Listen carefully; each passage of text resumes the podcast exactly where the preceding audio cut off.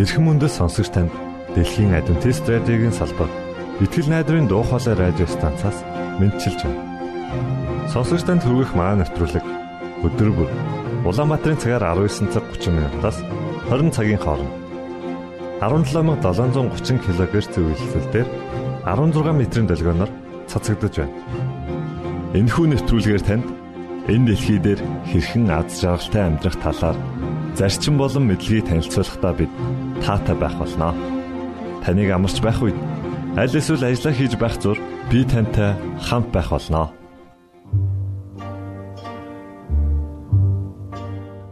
Өнөөдрийн дугаараар та бидний эрүүл мэнд юу бодож байгаатай маань холбоо хамааралтай юу гэдгийг олж мэдэх болно. Харин уран зохиолын цагаар Арчи хүүгийн багын мөрөөдөл түүний гэр бүлийн хүмүүс хэн байсан? Мөн түүний амьдралын талаар хамтдаа сонсох болно. За ингээд танд нэвтрүүлгүүдэд хүргэж байна.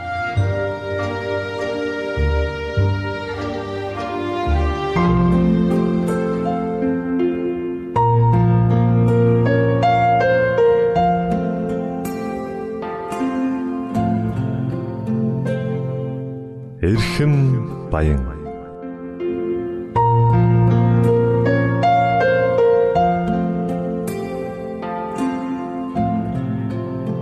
эрүүл амьдрах арга ухаан зөвлөмж тайлбарыг хүргэдэг эрхэм баян нэвтрүүлгийн шин дугаар эхэлж байна.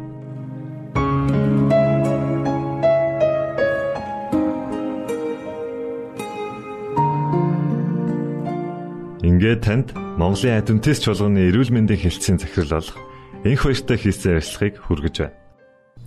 За ингээд дэлхий дээр байгаа хүн амын нас баралтын дийлэн хийхийг юунаас болоод байна гэдэг судалгаа хийсэн байна л да.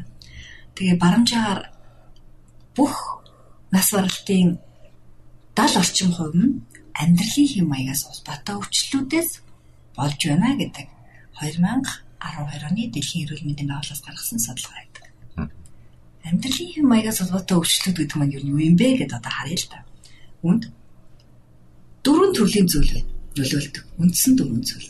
Өөрөөр бол одоо миний хэлж байгаа энэ дөрвөн зүйлийг урт амьдруулж болох дөрөв нууц гэж бас гэдэг өнцгөөс нь харж болох нь тийм үү. Энэ өхөл түргээд байгаа энэ дөрвөн нөлөөлөх дөрвөн зүйлийг хийхгүй байх юм бол бид нар яах нь урт наслах гэдэг нь эрүүл авах гэдэг тийм үү. За энэ дөрвөн зүйлийг хэлээ л да дэлхийн эрүүл мэндээс гаргасан. Эрүүл мэндийн байгууллагаас гаргасан хүмүүсийг одоо эрүүл урт амьдрахад өөрөөр амьдралын хэм маягаас улбаатай өвчлөлийг бууруулах эрсдлийг багасгахад хамгийн чухал гэгдэж байгаа дөрвөн зөвлөмж байдаг юм байна. Үүнд нэгдүгээрт тамхи татахгүй байх. Хоёрдугаар спиртийн төрлийн ундаа хэрэглэхгүй байх. Гуравдугаар дасгал хөдөлгөөн хийдэг байх. Дөрөвдүгээр зөв хооллдог байх. Амархан байгаач. Энэ дөрвөн зүйлийг хийхэд хүн яах нь вэ? Биелүүлээд байхад эрүүл эрүүл наслах боломжтой. За 70 орчим хувь гэж шүү дээ. Энгөр явчих чинь. Энийг л засчих юм бол за тэр 70 100% хүүхдийн шалтгааны 70 орчим. Дээрээс нь удамшлын гаралтай өвчлүүд 10-аад орчим хувь орчиж байгаа л да. 6.7 8 орчим хувьтай байдаг. Тэгэнгүүт удамшлын гаралтай өвчнүүдийг бас урьдчилан сэргийлж болно гинэ. Өөрөөр хэлбэл байрч болно. Саяны дөрвөн зүйлийг хийгээд ах юм бол арх уудаг бол багасгаад тамхи татдаг бол гараад буруу хоолдог бол зөв хоолдог болоо дасгал хөдөлгөөн хийдэг бол хийдэг болох юм бол амьдралын хэм маягтай маягтай өөрчлөлт чанар оруулах юм бол удамшлын гаралтай зарим өвчлөлийг барьдаг. За ингэнгүүт чи одоо яг 80 орчим хувь нь юунаас болдог болно гэж үзэх нь энэ дөрвөөс. Аа за тэгээд үлдсэн 20 хувийнх нь 20% нь бол 2 хуваах юм бол осол аваар за төрөлттэй холбоотой эндэгдлүүд ордог юм байна. Тэгэхээр 80% сэргийлэх боломж байна гэсэн үг шүү дээ тийм ээ. Ерөөсөө энэ дөрвөн зүйлийг хийснээр. Тэгэхээр зарим хүмүүс ийм одмын өвчтэй гэдэг шүү дээ. Удамшлын удамшлын өвчтэй. Тэгэхээр үүнийг бас бид нар хэдий би удамшлын өвчтэй төрсөн ч гэсэн үүнийг бас хамгаалж барьж барих боломжтой гэсэн үг тийм. Амьдралын зөв хэв маягтай болсноор өөрөөр хэлбэл тамхи татдаг байсан бол гарснараа арх удаг байсан бол больснороо дасгал хийдэггүй байсан бол хийдэг болснороо буруу хоолдог байсан бол одоо зөв эрүүл хоолдог хооллохыг сонгоснороо яах нь амьдралын чанараа хүн дээшлүүлдэг удамшлын өвчний ямар нэгэн тренд байсан бол тэрийг яах нь багасгаж барьдаг болох нь шүү дээ. Ерөнхийдөө юм байна. За ингээд энэ зүйлүүдийг дөрвөн зүйлийг Дэлхийн эрүүл мэндийн байгууллагаас гаргасан байна. Өөрөөр хэлбэл халдварын бус өвчлүүдээс урьдчилан сэргийлэхийн тулд энэ дөрвөн зүйлийг биелүүлдэг байх юм бол асрын өндөр үр дүнтэй гэдэг өхөл төрөгдөг шалтгаануудаасаа яах нь багасгах гэнэ шүү дээ тий. За ингэвэл манай 7 өдрийн адвентист сүмийн иш үзүүлэгч гэж нэрлэгдэх Элен Найт гэдэг битээ одоос бараг 150 жил юм. 1800 оны сүүлч 1900 оны үеэр гайхалтай зөвлөмжийг үлдээсэн байдаг л да. Энэ тухай ярих юм бол бараг түүх ярих учраас би товчлие. Тэр үед хүмүүс эрүүл мэндэд буруу анхаардаг. Тэр бүхэл өөршний сүрийн өвчтөй хүн тамхи тат гэдэг зөвлөгөө өгж өчтдөг байсан гэж боддоо. Тийм цаг үед амьдарч ирсэн хүмүүс Элинойд гайхалтай зөвлөгөө өгсөн нь Бурхны ариун сүнсний онгодоор хөлөглөгдсөн тийм гайхалтай эрүүл мэндийн мэдээ байсан. За нөгөө эрүүл мэндийн мэдээ маань Библи үндэстэй. Библи суурьтай мэдээ шүү дээ, тийм. За ингээд Эллен Вайтийн хэлсэн тэр зүйлүүдийг эмхлээд үзэнгүүт нь энэ маань англиар одоо товчлон хэлэх юм бол new start буюу шинэ эхлэл гэсэн тийм 8 зөвлөмж байсан. За энэ маань энийгээ тайлбарлахад nutrition буюу хүнс тэжээл exercise буюу дасгал water буюу ус хүмүүс ууж явах хэрэгтэй байна шүү дээ тийм. S буюу одоо sunshine нарны гэрэл T буюу temperance тэсвэр хатуучил air буюу агаар R буюу rest амралт тэгээ хамгийн сүүлийнх нь T trust in God буюу бурхан эзэнд итгэх хүн итгэл бишрэлтэй байснараа амьдралаа илүү зоригтой болж зөв зүйлийн төлөө тэмүүлдэг гэж үздэг. Энийг шинжлэх ухаан хүртэл нотолсон байдаг. Тийм учраас архинаас гаргах аливаа сургалтууд дээр Тэнгэрлэг хүчинд итэг, өөрөөсөө илүү хүчрэх зүйлд итэг, энэ муу зуршлыг чинь даван тулах хүчийг хайрлна гэж итэг гэж зөвлөдөг.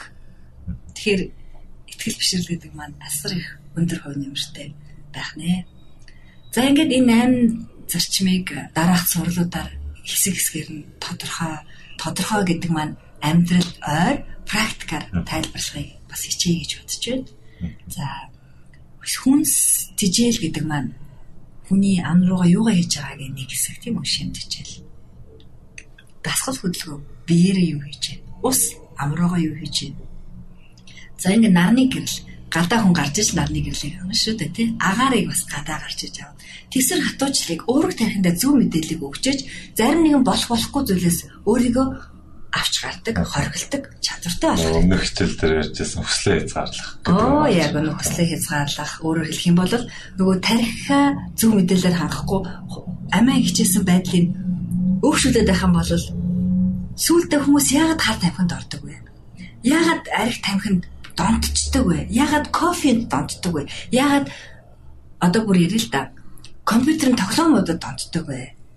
Энэ бүгд нөгөө тархины би гоё мэдрэмжтэй баймирна гэсэн хүсэлтэй л холбоотой. Энийг ойлгосон цагт яах нь өөрийгөө хязгаарлаж болох нэ. Тэр бүхэл мах амтны гаралтай бүтээгдэхүүн донтдог. Чихрэнд бас донтдог. Шоколаданд донтдог. Энд нар чинь бүгдээрээ явах уу? Тарихтай холбоотой байна шүү дээ. Мэдээлэл зөв өгчих юм бол тарих яах нь вэ? Учир мэддэг хэрэгтэй байхгүй юу? Хамгийн гайхамшигтай. Хамгийн сонирхолтой хэрэгтэй байхгүй юу? За ингээд шинэ гараа гэдэг хөтөлбөр маань манай 7 дахь өдрийн адвентист сүмийн онцлог нэрийн одоо брэнд гэж болохоор хөтөлбөр юм л да. Тэгээ яг сүүлийн үед бол хүмүүс сонсоор аваад баг уудсан байж болох юм. Гэхдээ бид нар одоо яах вэ?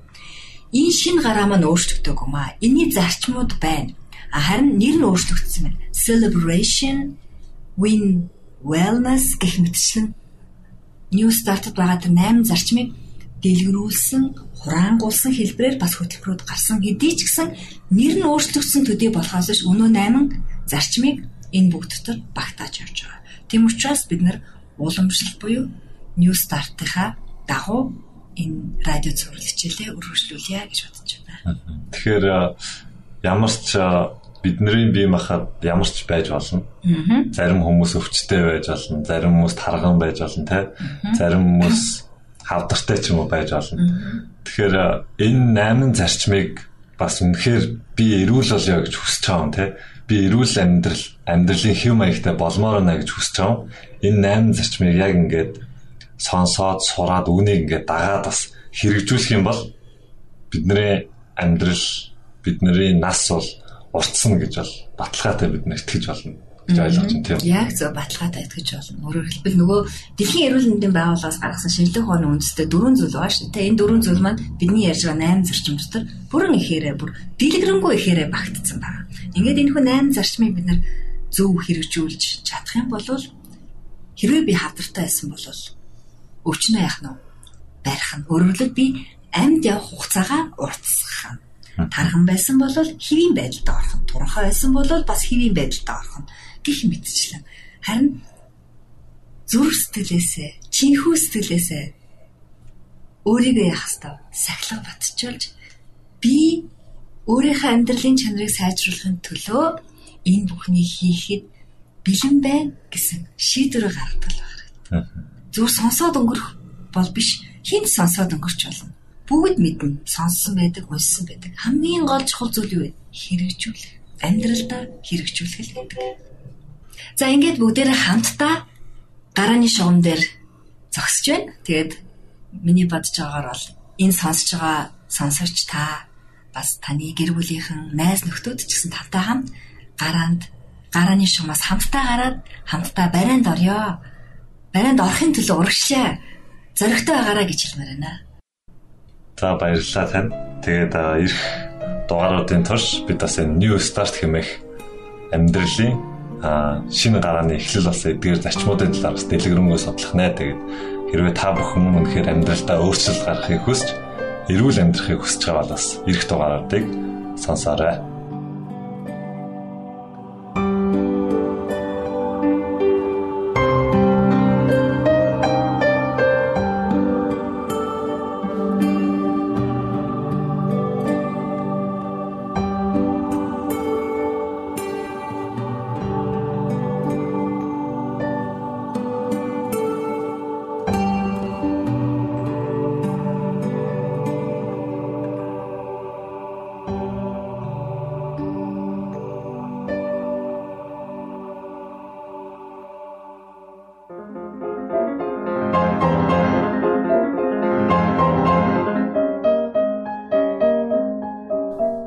Зохиолын цаг.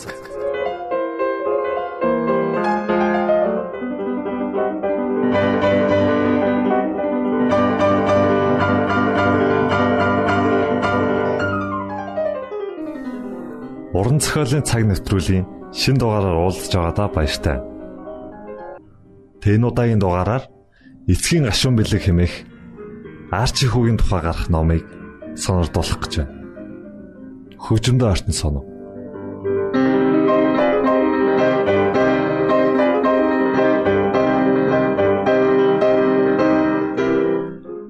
Найман жилийн боловсрал эзэмшиж төгссөн өдрийнхөө өглөө арчи босоход Тэнгэрийн ягаан өнгө алтан шаргал өнгөөр солигдож байлаа.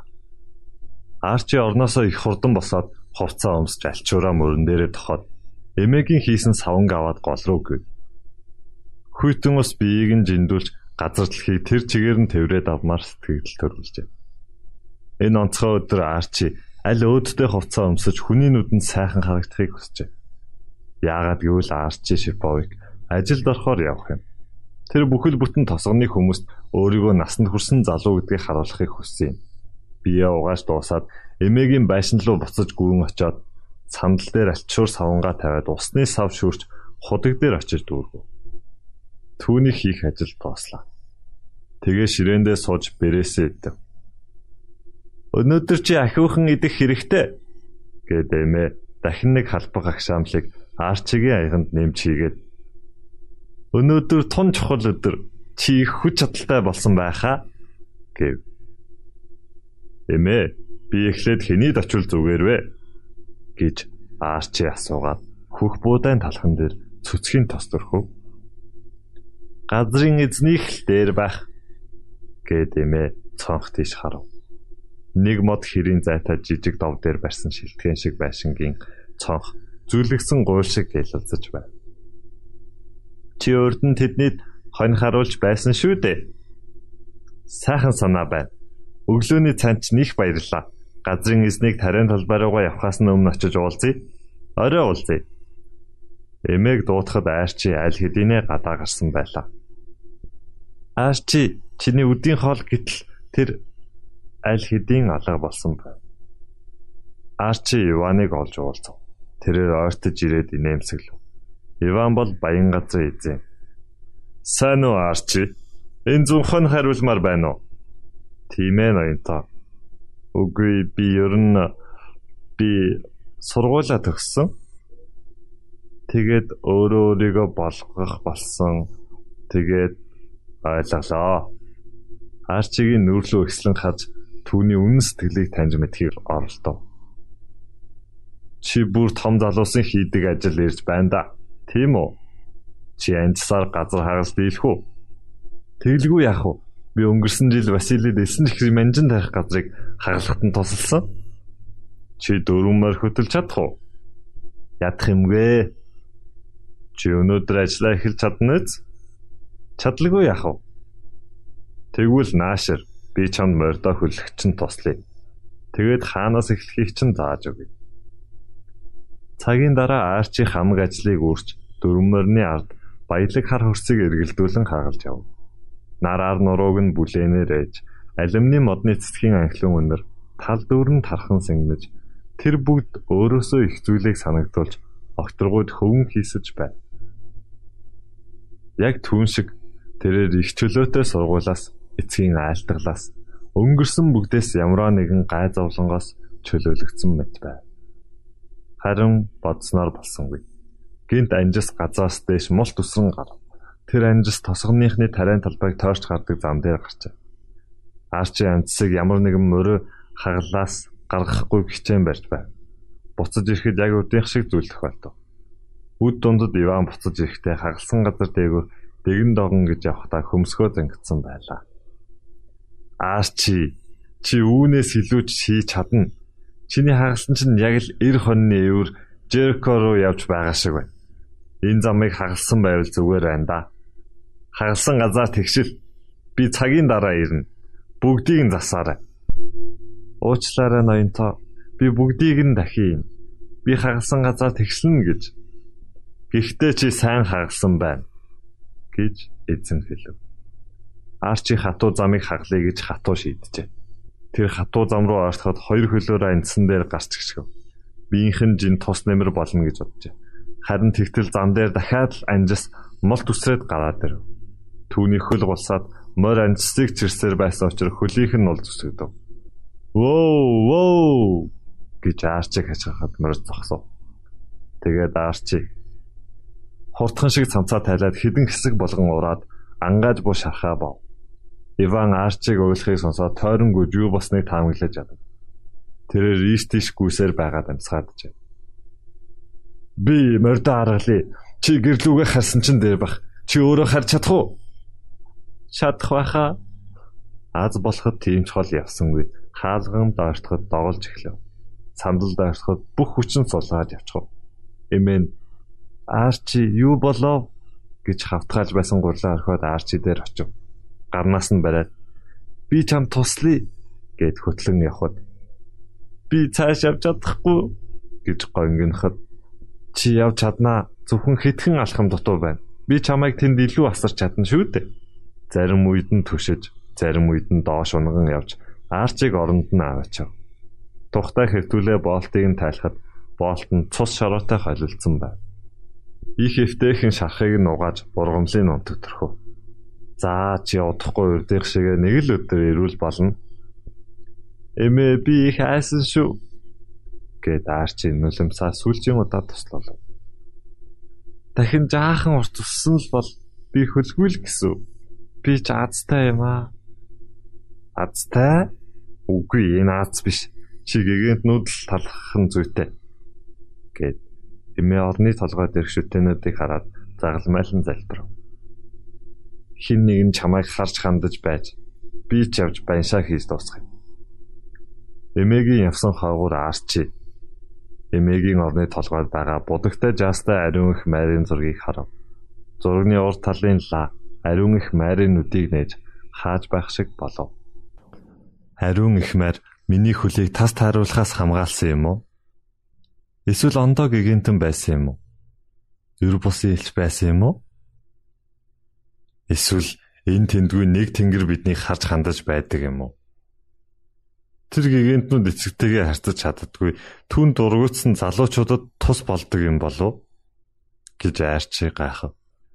Арчи бүхэл амьдралын турш гэр бүлэрээ гигантнуудын хөргөнд ямар ч утгыг нь ойлголгүй мөргсөөр ирсэн. Тосгодын бусад хүмүүсийн л адил нэм гарыг болгон мөн ариун өдрүүдэд сүмд очдог байлаа. Сүмийн санваартанд нүглээ намжлан хэлж өршөөлгуудаг ёстой байв. Тэр нь түүний амьдралд ямар ч онцгийн өөрчлөлт үзүүлж байгаагүй. Тэрээр өнөөдрийг хүртэл энэ үнэн зүйл үү гэдгийг сонирхсонгүй явж иржээ. Тэнгэр бий юу? Тэр арчигийн төлөө санаа тавьдгүй.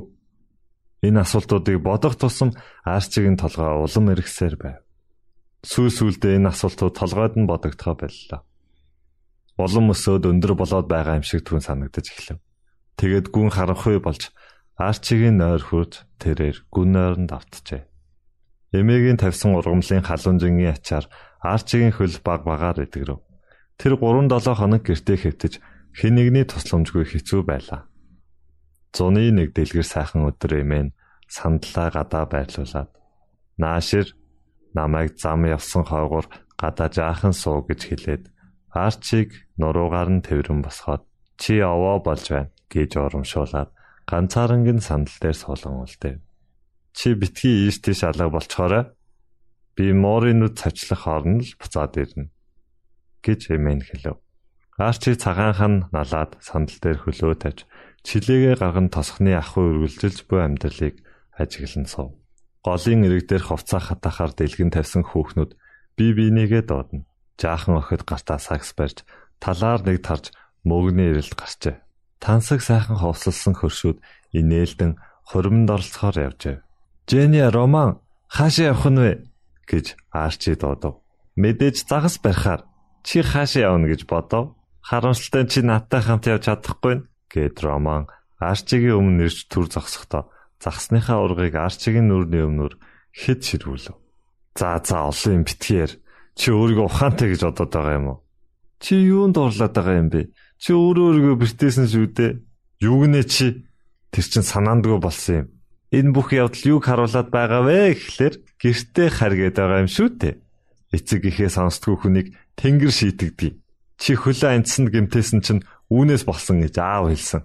Яг да гэд Роман хаалгаар гараад гол руу чиглэнгүй. Арчи нудраг зангидан сандлаа хүчтэй дэлсэн гүнзгий амьсгаа авч өвчтэй хөлөө доош гулгуулan буулгахдаа их өвдсөн дөр үзүүлээд шүдэ зуусхийн нүдэ анив. Түүний хувьд амьдрал шудраг биш мэт санагдав. Яагаад миний хийсэн болгон буруу болоод байна? Өөрөө амьдралаа аваад явж чадна гэж батлахыг оролдож байгаад яагаад ийм юм болчих вэ? Гэр орноо орхиод явснаас болж тэнгэр үнэхээр шийтгсэн гэж юу? Тийм л юм бол эмээг гэнтнүүдэд намайг хамгаалж байсан гэж яах гэж хэлсэн юм бол? Арх авахаас татгалцсан минь буруу байсан юм уу? Миний хийсэн бүхэн бүтэмжгүй болно гэж юу? Миний амьдрал яагаад ийм саад бэрхшээлтэй байдаг юм бэ гэж дотроо бодов. Түүний зүрх сэтгэл дотроосоо халуун шатаж яг нарны гэрэл шиг халуун байв. Халуунд нозоорч байтал түүнийг төөнөж байсан нарны туяаг үүл гарч халахлах шиг болов. Нүдэ нэгээд хартал Домка Шиповыг түүнийг хараад зогсож байв. Түүнийг дотор гаднаас төөнж байсан халуун ихийнх нь хаар итгэлээр дүүрсэн харцсан цэрвцв. Сайн байна уу ээжээ? гэж тэр төрүүлж догров. Загсанд явахгүй байх чинь чамд хэцүү байгаа гэдгийг чинь би ойлгож байна гэж ээж нь хэлв. Тэр ч яахав ажил хийж чадахгүй байх л хэцүү. Тэр ч тийм шүү гэж хатагтай Шипог барьж байсан шүүрээ хан төшүүлэн тавиад хажууд нь сув. Би чамайг санаж байна. Гэртээ хараасаа гэж би хүсэж байна. Би чадахгүй гэж Арчи хөл рүүгээ ширтэн хөлөөрөө газар ямар нэг юм зурн сууж байв. Чи юуг чадахгүй гэж аавыгаа уучил. Тэр надад тэгж хандах ёсгүй байсан юм. Тэр өөрөө очиод архи авах чадалгүй байсан. Сохтуу байсан шүү дээ арчи. Аав чинь чамайг надтай адил хайрладаг шүү. Хара их л эвгүй илэрхийлдэг юм байна да. Гисээ дийч би өөрөө өөрийгөө аваа явчих болсон. Одоо түүний хэрэг надад байхгүй. Үгүй дээ арчи минь гэж ихэн их л санаа зовсон байдалтай хэлв. Арчи санаа алдаад алюминий мотор хучигдсан хашаан доторх газрын эсний байшин ширтэн суув. Тэр хизээ нэгэн цагт тийм байшин амьдрна гэж төсөөлөн бодов. Бүх зүйл сайхан санагдаж газрын эзэн болж хүүхдүүд гэр бүлийнхээ хүнийг тойруулан суулгаад арх хизээч уухгүй. Өөрийнхөө хүүхдүүд болон эхнэр хизээч зодохгүй. Бас ээжигээ асарч хамгаална гэж боджээ. Бодлосоо болж нүдэнд нь бүр оч гэлэлсэж байлаа. Ээж Иваны байшин харда Тийм ээ. Яасан? За яг хөө нэг л өдөр би юм байшинтай болно. Би их мөнгөтэй болж шин даашинз тавг бас олон сайхан зүйлсийг худалдаж авна. Хадагтай шипох газрын эсний байшинг хэсэг зур харав. Хоёроор хөлсөн морин тэрэг тэнгэрийн хаяг чиглэн яв. Тэр өөрөө болон гэр бүлийнхэн ч мөрөөдөж байгаагүй их ондоо амьдрал юм. Тэгээд ихэн алин боловсроод унахта модносоо хол очтгүй юм да гэж хэлв. Наадах чинь юу гэсэн үг вэ? гэд Арчи ээж лүгээ эргэн ээжийнхээ уйтгалангүй нүд рүү харав. Юу гэсэн юм бэ гэвэл мөрөөдөд хэрэггүй гэсэн үг юм. Хүү минь аав чинь тариачин, өвөө чинь ч гэсэн тариачин байсан. Чи ч гэсэн газрын эзэнд ажиллах юм. Бид ийм л байдлаар амьдарч ирсэн. Амьдрахч болно. Чи аавтайгаа л адил болно. Тэгээд их нь босоод шүүрээ аваад гэрлүгээ буцаад алхав. Харин Арчи шорон дээр зураг зурсаар үлдэв. Түүний толгойд ихийнх нь хэлсэн алин боловсроод унахта модноосоо хол ойчтгүй юм да гэсэн үг эргэлцээр байлаа. Арчи ганц хөл дээрээ догонцсон хан налан бос зогслоо. Тэгш зогсоод газрын эсний эдлэн сайн харж ав. Энэ алин модноосоо хол ундаа гэж Арчи мөрөө тэгслэн би хизээч авшгэ болохгүй гэж хэлв. Та уран зохиолын цаг навтруулгийг хүлээн авч сонслоо. Дараагийн дугаараар уулзтлаа. Түр баярлалаа.